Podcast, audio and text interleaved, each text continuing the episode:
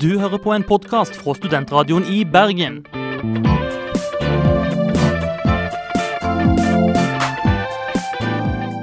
Denne og mange andre flotte podkaster finner du på podkast.srib.no.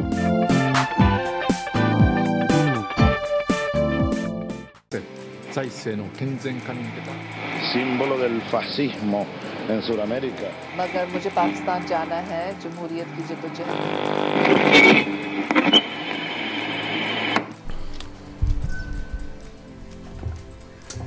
Verdens eh, eneste supermakt har opplevd en eh, økonomisk nedtur av eh, dimensjoner, og vi ser nærmere på noen av aspektene av denne finanskrisen med USA i rampelyset. Du hører på utenriksmagasinet MIR på studentradioen i Bergen, og da er meg, Åsgeir Kjetland Rabben, sammen med Aslak Rødder, som sitter i studio. Først i sendinga vår i dag så skal vi se nærmere på finanskrisa si påvirkning på amerikansk innenrikspolitikk. in America and in California, we have a huge uh, gap, a, a wealth and income disparity where it's become very concentrated among uh, uh, the top few. Videre forteller professor Sigve Skjøtta generelt om økonomiske kriser. Så Fremdeles er det slik at eh, økonomer og historikere prøver å forstå hva som skjedde på 30-tallet, altså i den forrige store krisen. Ole Moen geleider oss gjennom USA sin utenrikspolitiske interesse med et historisk perspektiv. Eh, Men samtidig så innenfor det republikanske partiet er det jo hardliners som er så avgjort interessert i å, å markere USAs styrke utad. Men eh, før vi får smake på disse godbitene, så må vi få unna ukas eh, låt her på Studentradioen i Bergen, som normalt. Det er da altså 'Burning God Little' med 1000 biter. Det var altså ukas låt her på studentradioen i Bergen, eh, 'Burning God Little', 1000 biter. Og eh, For noen uker siden så tok vi opp eh, eurokrisen, Kom òg forklarte kort om hvordan finanskrisen oppsto. I dag så ser vi på USA, stedet hvor finanskrisen starta. Og det er kanskje naturlig at vi kort oppsummerer om hvordan denne starta òg i dag. Ja, mange vil mene da at finanskrisen oppsto som en følge av spekulasjoner på Wall Street og hendinger på den amerikanske boligmarkedet. Eh, Under Bush sin presidentperiode ble det iverksatt flere lover som skulle hjelpe den vanlige amerikaner til å eie sitt eget hus, samtidig som det foregikk en deregulering av finan- finansmarkedet, og dette åpna for eh, helt nye dimensjoner av spekulasjon. Og Et av eksemplene som da ofte brukes for å forklare denne krisen, er jo at eh, forbrukere lånte penger av banker, og, og gjorde dette i stor grad eh, uten spesielt eh, store sikkerheter. Um, og at disse bankene da solgte videre disse lånene til såkalte investorbanker, som igjen solgte dette videre til investorer. Uh, og disse lånene ble da altså vurdert av såkalt uh, kredittvurderingsselskap. Ja, Vi snakker jo her om et veldig komplekst finansielt system. Eh, videre så kan vi si at lånene ble forsikra i store selskap, som f.eks. AIG, som da i sin tur tillot privatpersoner og bedrifter å kjøpe opp denne typen forsikringer. Og eh, Ofte ble de lånene vurderte som langt sikrere enn det de egentlig var, og lånetakere som ikke var i stand til å gjøre opp for seg, fikk utbetalt store lån. og det viktige her er vel da at eh, råtne lån, altså lån eh, til låntakere som ikke var i stand til å gjøre opp for seg, ble solgt til investorbanker og investorer.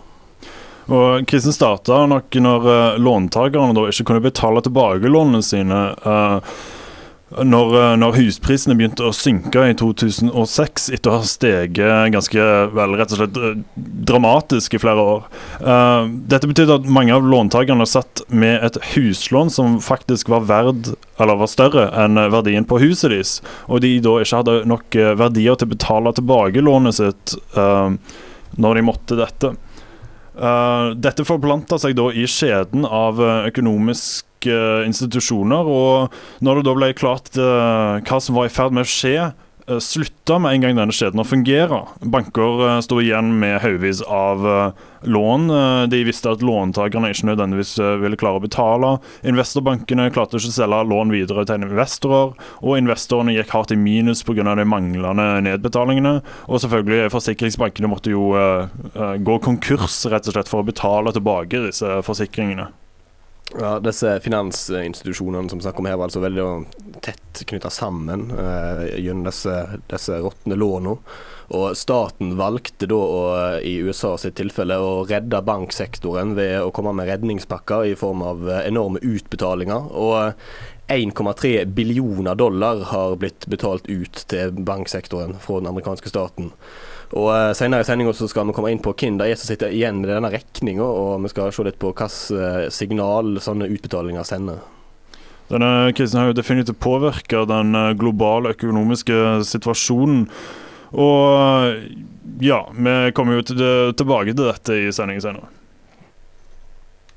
En av konsekvensene av denne økonomiske nedturen er at eh, de økonomiske forskjellene i det amerikanske samfunnet har eh, vokst betraktelig. Og dette har du sett nærmere på til dagens sending, Aslak Rødder.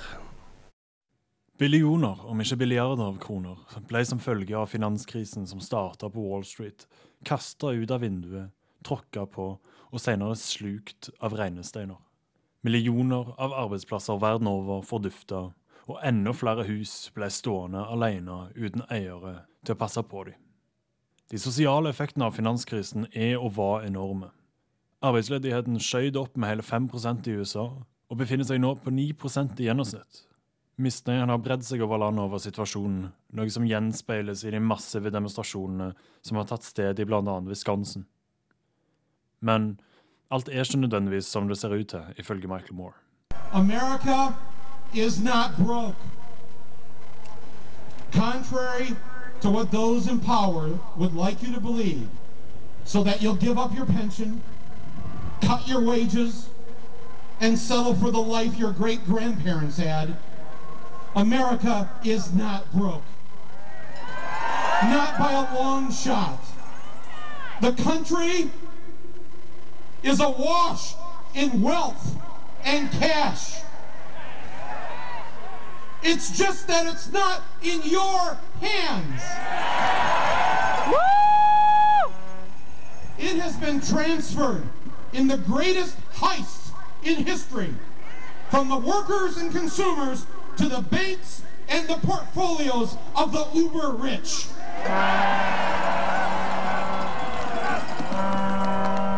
Right now, this afternoon, just 400 Americans, 400, have more wealth than half of all Americans combined.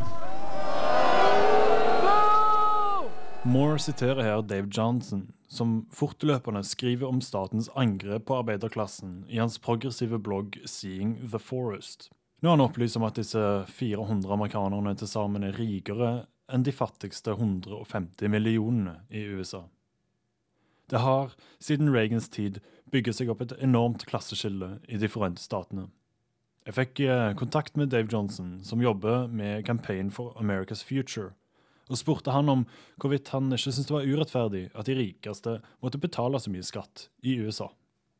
In America and in California, we have a huge uh, gap, a, a wealth and income disparity where it's become very concentrated among uh, uh, the top few.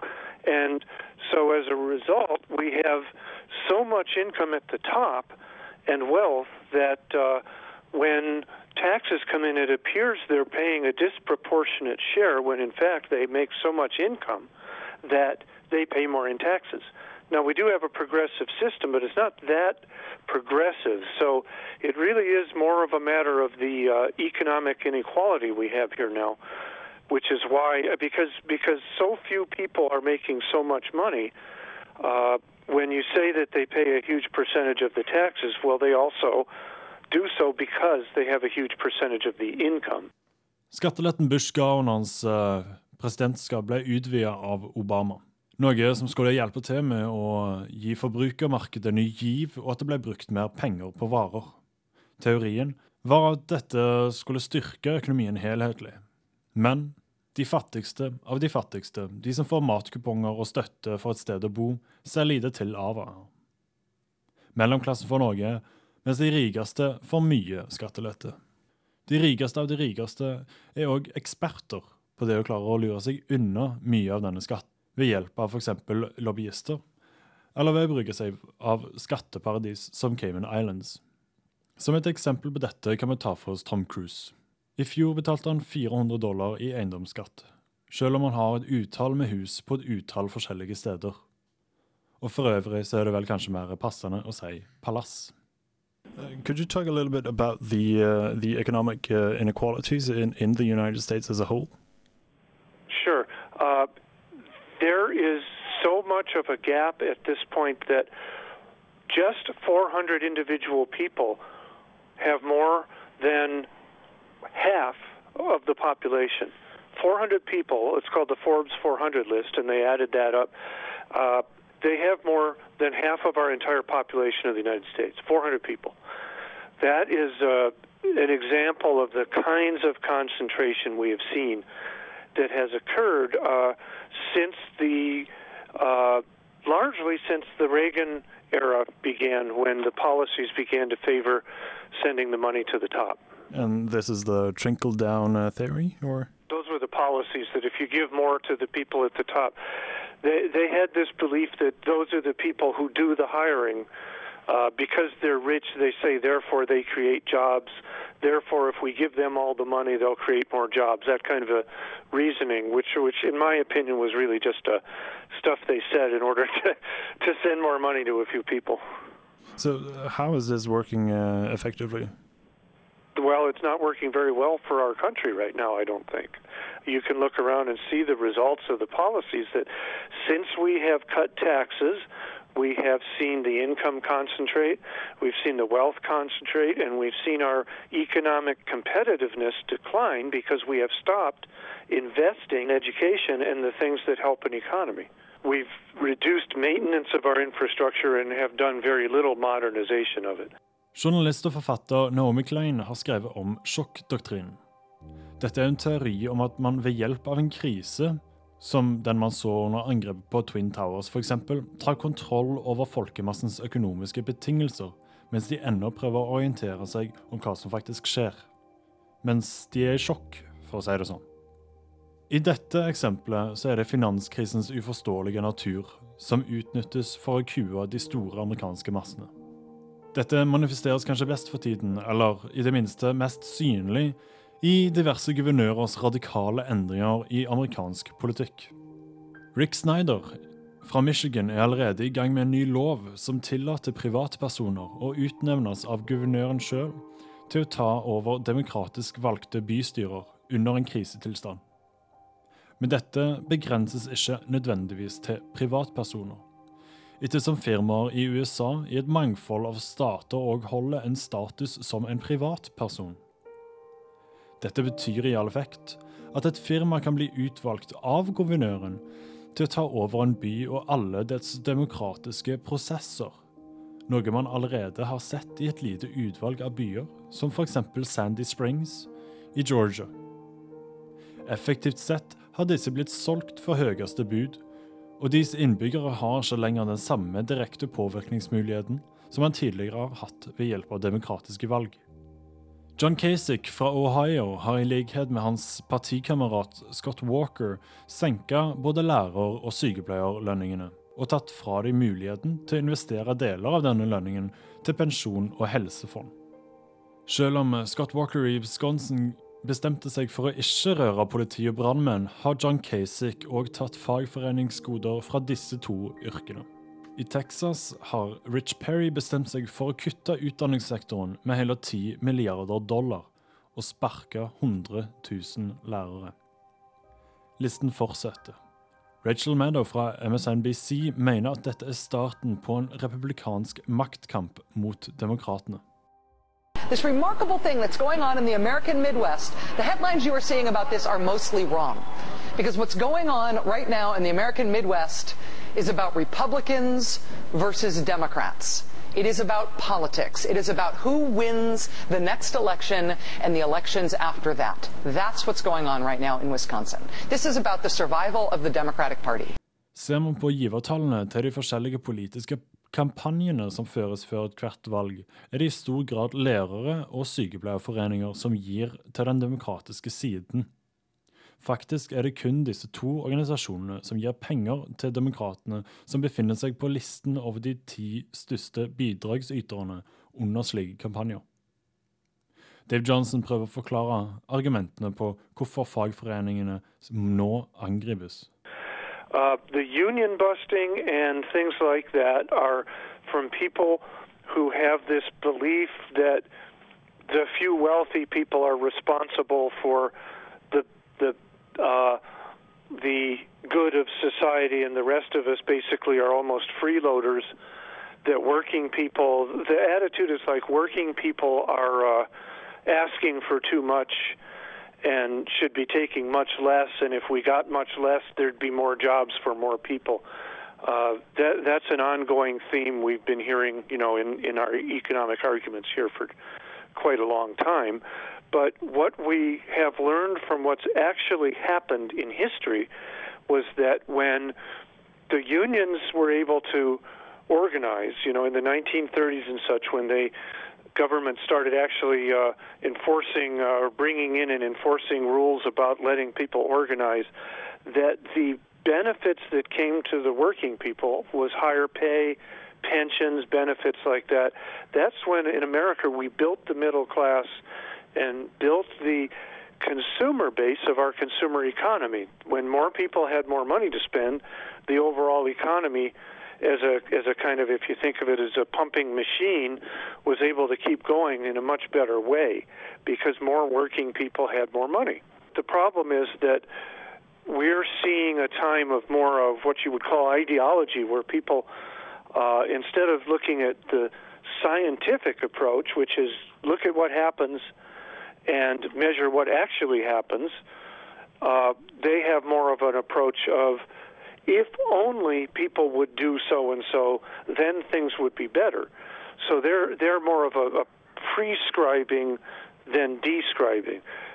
So, h- how are the American people reacting to this? Generally, people are not all that well informed.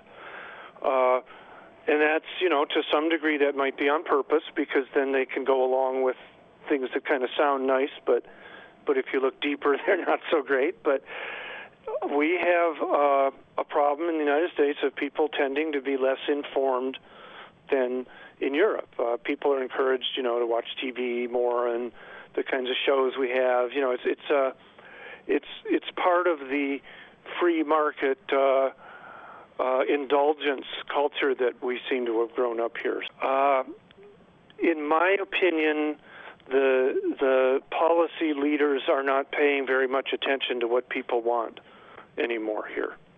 In Wisconsin, they had uh, as many as 100,000 people just in a state in the winter in the snow come to the state capitol on one of the days, and I understand even more on another. But and they had that on a sustained basis, and we've been seeing demonstrations of that size in other places, but they are not being widely reported around the country. Uh, it's very similar to before the Iraq War when there were huge demonstrations. They didn't matter. Ja, Vi hører her at uh, samfunnskritiker Dave Johnson nevner situasjonen i Wisconsin i slutten av innslaget ditt, Aslak. Kan du si noe mer om det? Ja, uh, guvernør Scott Walker, uh, altså guvernøren i Wisconsin, Scott Walker, har i den siste tiden arbeidet med å forandre lovene i staten uh, for å begrense fagforeningers vel, vel, makt, kan man vel si. argumentene for dette er at Wisconsin trenger mer penger, og at disse da, bør da tas fra den overbetalte offentlige sektoren. Ja, På hvilken måte vil en da ta de midlene, tenker du? Han, eh, han senker lønninger eh, fra eh, i all hovedsak fagorganisasjoner som lærere, sykepleiere og andre offentlige ansatte, ikke politi og brannmenn. Han fjerner òg fordeler og, som helsefordeler og, og pensjonfond, og vil gjøre det umulig for fagforeninger å bruke seg av den kollektive forhandlingsretten. Men uh, kan en guvernør bestemme dette her på egen hånd? Men selvfølgelig ikke. Han trenger støtte fra delstatsforsamlingen. Noe som han ikke fikk pga. Eller rettere sagt, de kunne ikke stemme på dette. Fordi 14 av de demokratiske representantene flykta fra staten ganske tidlig når dette ble tatt opp. Hva, fordi de forsto at de kom til å tape i eventuell avstemning? Fordi de forsto at de kom til å tape, og at de ville at folket skulle vite hva som faktisk skjedde. De ville uh, rett og slett uh, opplyse folket om, uh, om situasjonen. Ja, De ville sette søkelyset på, på det på en ja, spesiell måte. Ja. Så det man har hatt, har jo vært de største demonstrasjonene siden Vietnamkrigen i USA. Um, og man ser jo òg at uh, hvor, sånn som uh, Dave Johnson nevner, det vært uh, 100 000 mennesker i gatene. Uh, dette er langt ifra normalt i, i, i, USA. Og man ser jo at meningsoppslutningene viser at støtten til Scott Walker og, og det republikanske partiet virkelig falmer for tida. Ja, da gjenstår det å se hva som vil skje ved neste delstatsvalg i Wisconsin. For en kan jo diskutere i hvor stor grad de sittende politikerne skal la seg påvirke av denne typen demonstrasjoner og meningsmålinger. De er jo en gang valgt av folket eh, som folkets representanter. Men eh, når opinionen eh, skifter på denne måten her, så er jo dette en diskusjon som går an å ta. Men den er for stor til å ta i denne sendinga, så vi fortsetter heller med ukas album. Det er House of Balloons av gruppa Weekend. Vi skal høre The Party and The After Party. Det er godt med en pustepause av og til. Uh, noe The Party and The After Party på plata som har blitt kåra til ukas uh, album her på Studentradioen i Bergen, ga oss. Uh, det er da altså bandet The Weekend som spilte den.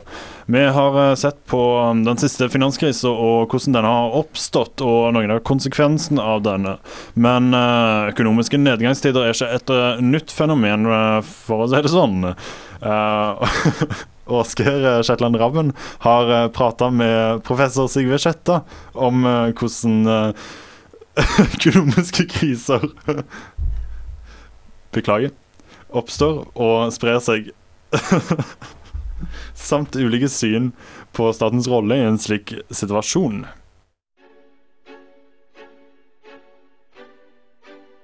Til alle tider, og uansett økonomisk system, har han opplevd perioder med nedgangstider og dårlige kår, om det så har vært naturkatastrofer, dårlige avlinger eller kriger som har vært årsakene. Dagens markedsøkonomiske system gir oss ikke noe unntak i så måte, men det kan være vanskeligere å peke på de direkte årsakene til økonomiske kriser i dag. Like fram til staten i kriseramma land alltid frampå for å prøve å få økonomien på beina igjen, sjøl om det er svært ulike meninger om hvordan det best kan gjøres. Sigve Kjøtta er professor ved Institutt for økonomi ved UiB, og vi har snakka med han om dette. Altså Det å forstå hva som skjer med økonomisk krise, det, det, er et fag. og Det har historie og økonomer holdt på med i, i, lang tid. Og jeg tror aldri vi kommer til å få noe eh, endelig svar på det. Altså Fremdeles er det slik at eh, økonomer og historikere prøver å forstå hva som skjedde på 30-tallet, altså i den forrige store krisa. Det er økonomer og historikere som studerer krise alle de som har skjedd imellom, og det studerer de den siste krisen. Så jeg tror det er ikke noe enkelt svar på det overhodet. Men noen generelle ting er det vel kanskje mulig å si? Ja. Og en ting som jeg trekker fram, er liksom helt sånn grunnleggende ting, at det skjer grunnleggende ting i et samfunn. altså Det kan være teknologiske eh, endringer, det kan være innovasjon. F.eks. på, på 20-30-tallet så skjedde det store endringer i at folk fikk eh, vaskemaskin, det var mye fikk biler, traktorer på landsbygda, og du fikk en veldig eh, Det å f.eks. drive jordbruk ble mye enklere i den betydning at det var langt færre folk som måtte til for å produsere mye mer mat. Og, og, samtidig så var det også slik at du eh, trengte folk til å produsere disse nye forbruksvarene, sånn som kjøleskap og, og komfyr og vaskemaskin og biler. Så da, den store endringen da, altså den at det at eh, folk eh, ikke mister men det er ikke, det er ikke behov lenger i jordbruket, men samtidig som det er behov i andre plasser. Der skjer det en, en stor endring som er, som er, til. Og i den der eh, endringsprosessen der så kan det skje eh, krise, at det ikke, helt, at det ikke blir tilpassa sånn samtidig. Ja, At det er i en lang periode en stor gruppe i befolkninga som er arbeidsledige? Det behøver det ikke være. Det behøver ikke være det. Altså, krise kan gå veldig, gå veldig fort. F.eks. den krisa som dotcom-krisen for ti år siden, da aksjekursene raste og folk som jobba i IT-industrien mista jobber en masse, spesielt i USA og også i Norge. Stor, mange folk mista jobb, men det, var, det, gikk jo ikke lang tid før alle disse her folkene hadde funnet seg nye jobber. Så da gikk det veldig fort for å få ny jobb. Men det kan også det kan være det at det, når den overgangen fra jordbruk til forbruksindustri at det, altså De som hadde jordbruk, de, ikke, de, hadde ikke den kompetansen som skulle til den nye. så Derfor var, var det vanskeligere og tyngre å, å, flytte. Men så kan man også legge til at og det er også viktig, altså En av forklaringene for krise er jo at, at, at myndighetenes politikk den kan også forverre krise. Professor Kjøtta sier her at strukturelle endringer som teknologisk utvikling eller dømes endringer i folkesammensetnad kan være årsaker til økonomiske kriser og nedgangstider. I en omstillingsperiode der dømes nytt produksjonsutstyr gjør mange arbeidere overflødige, vil det i en kortere eller lengre periode kunne være stor arbeidsløse i de aktuelle sektorene, og dette kan så forplante seg til hele økonomien. Regjeringa i den aktuelle staten vil ofte gjøre det hun kan for å få bukt med de økonomiske problemene som melder seg, men noen vil altså mene at statlig inngripen kan kunne forverre økonomiske kriser. En måte å tenke på økonomisk krise er at hvis, det, hvis vi nå tar USA og, og boligmarkedet som et eksempel, da, så du, da har du et veldig stor aktivitet i bygningsindustrien, og så, har, så skjer det ting da i noen ting som gjør at folk blir veldig min, mer pessimistiske, og det kan også skje ting at de får problemer med å betale lån. Uh, og hvis folk begynner å gjøre det, så vil folk begynne å spare og betale ned lån, og i verste fall må de kanskje gå fra hus, huset. Og da får du en slags sånn De folkene der de slutter å kjøpe ting, og de, de slutter å gå på restaurant, de slutter å kjøpe biler, kjøpe mindre biler osv. Så, videre.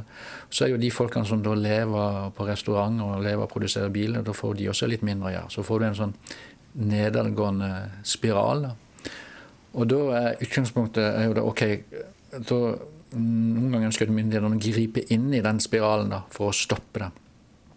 Og og Da er det ulike synspunkter på det. Eh, og Da setter de i gang en sånn eh, statlig virkemiddelspakke. Det er enten at du overfører penger til spesielle sektorer, eller du har får redde bankene, som også skjedde. Og Det er veldig grunnleggende to syn på eh, den måten å styre politikk. Det ene er at de, de virker, og den andre er at dette ikke virker, og at det tvert imot kan ødelegge for økonomien resten av senere. Ja, Kan du si mer om det? Ja, så da, Ta den første, det at den virker. Den er kanskje personisert med, med Keynes. Eh, og ideen bak Keynes da, det er det at du eh, Det er sånn stikkordet 'animal spirit', han kaller det. Det er det at eh, at hvis folk får en, det er, liksom psykologi.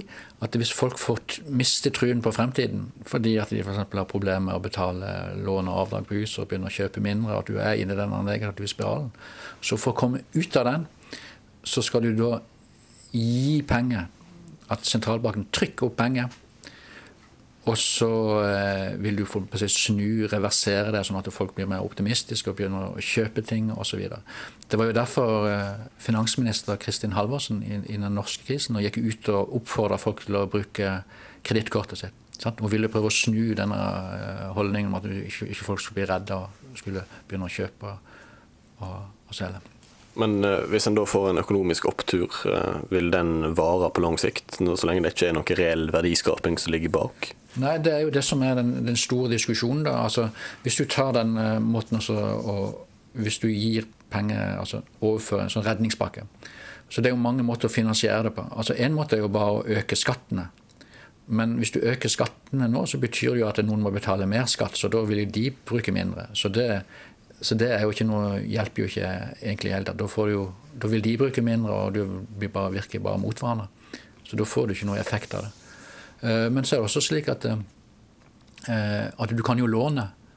Eh, og det har jo skjedd, da. Staten har lånt. Men, være, men da kan det jo skje det, at, og det er jo nesten i ferd med å skje, at folk, folk og bedrifter blir jo pessimist pga. det at de ser jo at staten har masse lån, at det, og et lån må betale tilbake. Det kan du snakke med grekerne om. Altså det, og, og Portugal, Portugal, portugisere og folk fra Irland. Det er harde realiteter bak det. Sånn at du ja, du ser hva som skjer i Irland, så, så, så, kan du få virkelig slå tilbake. Altså Irland er jo, Der brukte du jo enorme statlige penger til å redde banken. Etter John Maynard Keynes i oppfatning kan altså staten få økonomien ut av en nedadgående spiral ved å sprøyte inn penger i form av skattelette eller direkte utbetalinger til visse økonomiske sektorer. Dette vil følge han få optimismen tilbake og få økonomien i svingen. Kritikerne vil si at dersom staten bevisst går i budsjettunderskudd pga. utbetalinger til redningspakker, vil disse pengene måtte betales tilbake, enten i form av skatt i dag eller i framtida, og vissheten om dette vil i seg sjøl være nok til å hindre at folk begynner å bruke penger igjen. En av de fremste meningsmotstanderne til Keynes var østerrikeren Friedrich von Hayek. Hayek vektla at penger i seg sjøl ikke har noen verdi, men bare er et middel for å gjøre byttehandler av varer og tjenester lettere, og ved å sprøyte inn penger i økonomien skaper du derfor ingen reelle verdier. John Maynard Keynes. Uh, F.A. Hayek. Yeah, we're opposed. We oppose each other philosophically. In the same studio. We've been going back and forth for a century. I want to steer markets. I want them set free. Men Keynes med sine innsprøytinger ville da få i gang igjen verdiskapinga? Det var det var hans mål med, med det? det? det? er veldig vanskelig å måle. Sånn, og jeg skal ta et eksempel da, fra USA. Da. Altså, der var det jo, et, et, mål er jo på arbeidsledighet. Altså, du, du vil jo Intensjonen og det, det tviler det tror alle at det er jo selvfølgelig å ikke få en for mye arbeidsledighet. Så når de la fram de, de krisepakkene så mente de at krisepakkene skulle føre til at arbeidsledigheten ikke ble mer eller 8 sånn. Eh, I 2010. Nå kan vi se hva han var for noe. Han har blitt 10% Mye høyere. Og så, mm, eh, så, kan jeg si at de som da eh, forsvarte den pakka, sier at ja, men det var mye verre enn det vi trodde. Og det er sant. Og de som da er motstandere, kan si ja, men se nå her. Eh, men det kan heller ikke de si. For, for det, altså Problemet med å måle sånne ting Vi vet jo ikke hva som hadde skjedd hvis ikke vi hadde uh, hatt de krisepakkene. Så, så, så, det er umulig å vite. Oskar eh, Shetland Rabben som sitter med meg her i studio, har altså diskutert litt rundt økonomikriser med professor Sigve Skjelta. Og Oskar, vi har jo hørt uh, snakk om statlige redningspakker uh, av f.eks. den amerikanske banksektoren uh, i den siste finanskrisens tilfelle. Og vi har jo også sett lignende tilfeller i Europa. Men hvorfor skjer dette, og hvem er det som sitter igjen med regningen? Når det gjelder grunnen til utbetalingene, så er vel det da for å hindre et totalt sammenbrudd i økonomien. At regjeringa i de aktuelle statene har den oppfatning at, av at en ruinert finanssektor vil føre til en eh, økonomisk katastrofe i landet som det vil ta lang tid å, å, eh, å gjenopprette. Når det gjelder hvem som sitter igjen med regninga, så vil jo da i siste instans være skattebetalerne, i og med at staten består av innbyggerne. Eh, og selv om staten låner penger fra en eller annen stad, så er den da lånet en eller annen gang nødt til å bli betalt tilbake. Så eh, da blir jo da fremtidige generasjoner sine skattebetalere som må stå for den regninga. Men uh, jeg lurer litt på uh, for signal staten egentlig sender ut til, uh, i dette tilfellet, banksektoren, når, når, de redder dem etter de har ført en såpass hensynsløs pengebruk og investeringer. altså Etter de har gjort en tabbe, hvilket signal sender det ut til, til de som fører økonomisk Eh, retningslinjer? Ja, Da er jo et spørsmål mange stiller seg. Mange vil jo hevde at det vil føre til en dårlig moral, i, eh, i dette tilfellet i banksektoren, dersom eh, de, de er av den oppfatning av at hvis de foretar investeringer av stor risiko, så vil de, når alt kommer til alt, få bli utbetalt av staten hvis, hvis ting går gale. Så, så de Hvis de får tilbake pengene sine i disse risikofylte um, investeringene, så, så, så, er det kjempebra. Og hvis ikke, så, de, så tjener de allikevel penger på det. Uh, det. Ja, den typen moral kan en jo da se for seg at vil vokse fram i, uh, i de aktuelle økonomiske sektorene. Men det finnes jo òg andre argument for at det ikke er noe lurt å, å redde en økonomisk sektor i krise. Så Kjøtta er jo inne på jordbrukssektoren her. og vi kan ta et eksempel derifra. at Hvis en i den perioden da en gikk over til et mekanisk jordbruk i Norge, og en uh, hadde bruk for langt mindre arbeidskraft i jordbruket, hvis den norske staten da hadde, hadde gått inn for å betale jordbrukssektoren for å fortsette med gamle arbeidsmetoder, sånn at de skulle holde folk i arbeid, da hadde en aldri kunnet utvikle seg økonomisk i det, i det norske samfunnet, og vi hadde fortsatt i dag levd i et jordbrukssamfunn. Det er utrolig spennende her, og det finnes jo tydeligvis flere syn på, på redningspakker og tid det skal gjøres og hva tid det ikke skal gjøres. Mm, det er noe som eh, tas opp i framtiden, eh, mest sannsynlig, og det gjør for så vidt eh, Proviant Audio med sin sang 'Tusen lysår framme i tid'. En, en underlig tittel, men ja ja. I don't want you to look the other way or pick your ear or anything else. Det hørte vi altså eh, Proviant Audio med sangen 'Tusen lysår fram i tid'.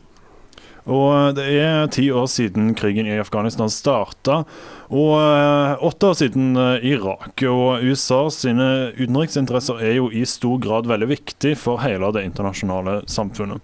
Andreas Rasmussen, vår kollega, har derfor sett på uh, disse interessene, og gir, prøver, å gi oss en historisk gjennomgang av disse og ser samt på eh, premissleverandørene til den amerikanske utenrikspolitikken eh, med hjelp fra professor Ole Moen ved UiB, UiO. The world will note that the first atomic bomb was dropped on Hiroshima, a military base. We won the race of discovery against the Germans. Bombingen av Hiroshima og Nagasaki i august 1945 markerte på mange måter slutten av andre verdenskrig. Samtidig ble dette også begynnelsen på en militær og økonomisk supermaktperiode for Amerikas forente stater. Perioden som fulgte etter 1945 var preget av tette bånd mellom USA og Europa. As a countermeasure against the attempt by the Soviet Union to communize Europe, the American people saw the necessity for cooperating with the non-communist countries in a comprehensive bipartisan European recovery program. Et våpen- og månekappløp. We choose to go to the moon in this decade and do the other things, not because they are easy, but because they are hard. Et polarisert forhold til Sovjetunionen. An iron curtain has descended across the continent. Og amerikansk engasjement rundt om i verden. Our sons fight tonight in the jungles men verdensbildet endret seg sent på 80- og tidlig på 90-tallet. The sound that you hear and what you're seeing tonight, not hammers and sickles, but hammers and chisels as young people take down this wall bit by bit. The red flag came down over the Kremlin tonight as President Gorbachev resigned and brought to an end seven decades of communist rule in the Soviet Union. Landets eh, engasjement fortsatte også etter Berlinmurens fall og Sovjetunionens oppløsning. Just two hours ago, Allied air forces began an attack on military targets in Iraq and Kuwait. Today, our armed forces joined our NATO allies in airstrikes against Serbian forces. The Taliban regime is coming to an end. At this hour, American and coalition forces are in the early stages of military operations to disarm Iraq, to free its people, and to defend the world from grave danger. Men hvilken betydning fikk den kalde krigens slutt for USAs utenrikspolitiske anliggende? Ole Moen, professor i Nord-Amerika-studier ved Universitetet i Oslo, forteller om intervensjonisme og isolasjonisme i amerikansk politikk. Det var en tendens uh, generelt til, uh, til å, å, å, redusere engasjementet uh, utaskjærs. Det at man skar ned antallet tropper i Europa f.eks. Altså, dette skjedde jo eh, vi kan si Den kalde krigen skjedde jo under George Bush den eldre. Og eh, da eh, Clinton overtok, så, så eh, var det jo da en del engasjement rundt omkring i verden. Ikke minst i, i, i Somalia. som var ganske katastrofale, og som påvirket eh, USAs vilje kan du si, til å engasjere seg ute. Det at amerikanske soldater ble dratt rundt i, i byen etter biler osv. Uh, og det gjorde at det var en slags nyisolasjonisme i USA på uh, utover 90-tallet. Samtidig så fikk man jo Balkankrigen, og, og der tok jo omsider da USA føringen. Så uh, det var en spenning mellom grupper som ønsket å trekke tilbake, og som da ønsket å engasjere seg rundt omkring i verden. Som jo har vært der hele tiden i amerikansk historie, denne spenningen mellom isolasjonisme og intervensjonisme. Da George Bush jr. ble valgt som president i 2001, fryktet internasjonalistene i USA en ny isolasjon. Og så kom 9-11. Så kom angrepet på New York, ikke sant? og det snudde hele, hele, greia. Og siden den gangen så har jo liksom eh, den eh, 11.9.2001 vært premissleverandør for det som har skjedd i, i amerikansk utenrikspolitikk. Moen peker også på at innenrikspolitikken og amerikanerne i gata er sentrale premissleverandører for utenrikspolitikken generelt. Det er et litt flåsete uttrykk som sier at amerikansk utenrikspolitikk er bare en, en appendix til innenrikspolitikken. Og, men det er, det er, en stor sannhet i det uttrykket. altså. Det, amerikanerne er egentlig ikke veldig interessert i resten av verden. Det er bare når deres egne gutter er engasjert på, på, i åpen strid i andre deler av verden at man virkelig får øynene opp for, for resten av verden. Og øh, egeninteressen, om du vil, som ligger til grunn for all utenrikspolitikk i ethvert land, den har jo vært det å, å få guttene hjem med æren i behold. Et sentralt fokusområde for USA var i lang tid Europa og Nato-alliansen. De samme landene er nå bekymret for at amerikanernes oppmerksomhet nå rettes til andre deler av verden. Etter at Obama ble valgt, så, så, har jo denne kritikken eller bekymringen vært enda sterkere. Fordi at han har vist en, kan vi si, en ganske svak interesse for Europa. Og mye større interesse for Stillehavsbassenget og for Midtøsten. Og Kina har jo kommet da selvfølgelig i veldig sterkt i fokus. Både som økonomisk og militær rival. Men i tillegg til å være en konkurrent understreker Moen at Kina og USA er i et gjensidig avhengighetsforhold. Kina finansierer landets underskudd, men er samtidig avhengig av det amerikanske markedet for sin egen utenriksøkonomi. Men uh, samtidig så er det en veldig uh, en usikkerhetsmoment for amerikanerne, som har vært vant til å være største hanen i køya, å og være avhengig av, av Kina. Amerikanernes problem er jo det samme problemet som vi har ofte. At, at uh, lønningen ligger for høyt og, og, kostnadsnivået er for høyt, slik at de, at de ikke, ikke, kan konkurrere med lavkostland. Og det har jo vært den store krangelen med Kina uh, på økonomisektoren. At kineserne har holdt en kunstig lav kurs på sin, sin valuta for å stille seg sterkt når det gjelder eksport. Framtiden er vanskelig å spå, men Moen mener den innenrikspolitiske situasjonen, det republikanske partiet og den nye Tea Party-bevegelsen kan få betydning for USAs ansikt utad.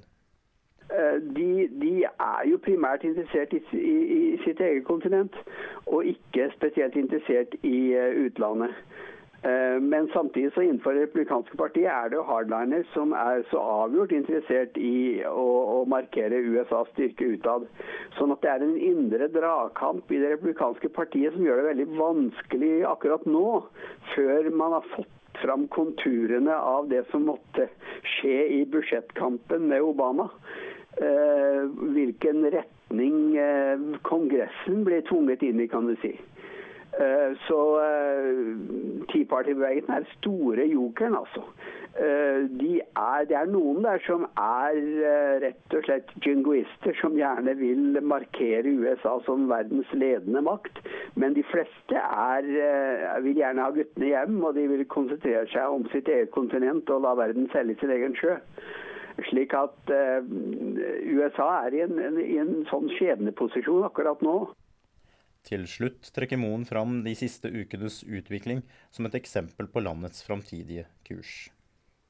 Utad så, så, så er det veldig viktig for Obama å markere at, eh, at han ikke vil komme seg inn i en tredje krig igjen. og Det er jo en av grunnene til at han nå har spilt ballen over til Nato når det gjelder eh, aksjon i Libya. Eh, slik at det som skjer de neste to-tre månedene vil være veldig avgjørende eh, når det gjelder USAs videre skal vi si, framferd i, i, i eh, resten av verden. Eh, Andreas Rasmussen har altså snakka med Ole Moen fra Universitetet i Oslo om amerikansk utenrikspolitikk. Og i dag i denne sendingen så har vi jo snakka både om innenriks- og utenrikspolitikk i Amerika. Og det virker litt som om det er sånn at eh, amerikanere flest oftest tenker på seg, sitt og sine. Og det har vel kanskje noe med at eh, eh, sånn som jeg har hørt i denne sendingen, at det har vært så mye problemer på hjemmebane de siste årene. Oskar. Ja, jo mindre problem en har Eller jo større problem en har hjemme, jo mindre bryr en seg vel fort om hva som skjer i resten av verden. Og som eh, Ole Moen er inne på her, så handler jo mye av eh, utenrikspolitikk for den jevne amerikaner seg om hvordan en skal få hjem soldatene sine fra Afghanistan og Irak. Men eh, dessverre så er jeg nødt til å sette en stopper for dagens sending, for vi har ikke spesielt mye mer tid. Det har vært Oskar Shetland Rabben som har vært sammen med meg i studio i dag. Mitt navn er Aslak Rødder, og jeg har òg styrt eh, teknikken i dagens sending. Eh, Medvirkende har vært eh, Andreas Rasmussen, og vår produsent eh, er syk, men han heter i det minste Johan Dahl. Da ønsker vi god bedring til han, og eh, minner våre lyttere på at de kan laste ned programmet vårt via iTunes eller våre nettsider srib.no.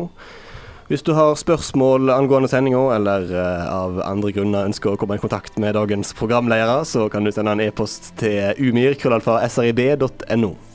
Og 14.4 så er det debatt på Samfunnet med utenriksmagasinet MIR, og vi håper at du kommer der. Ha det bra.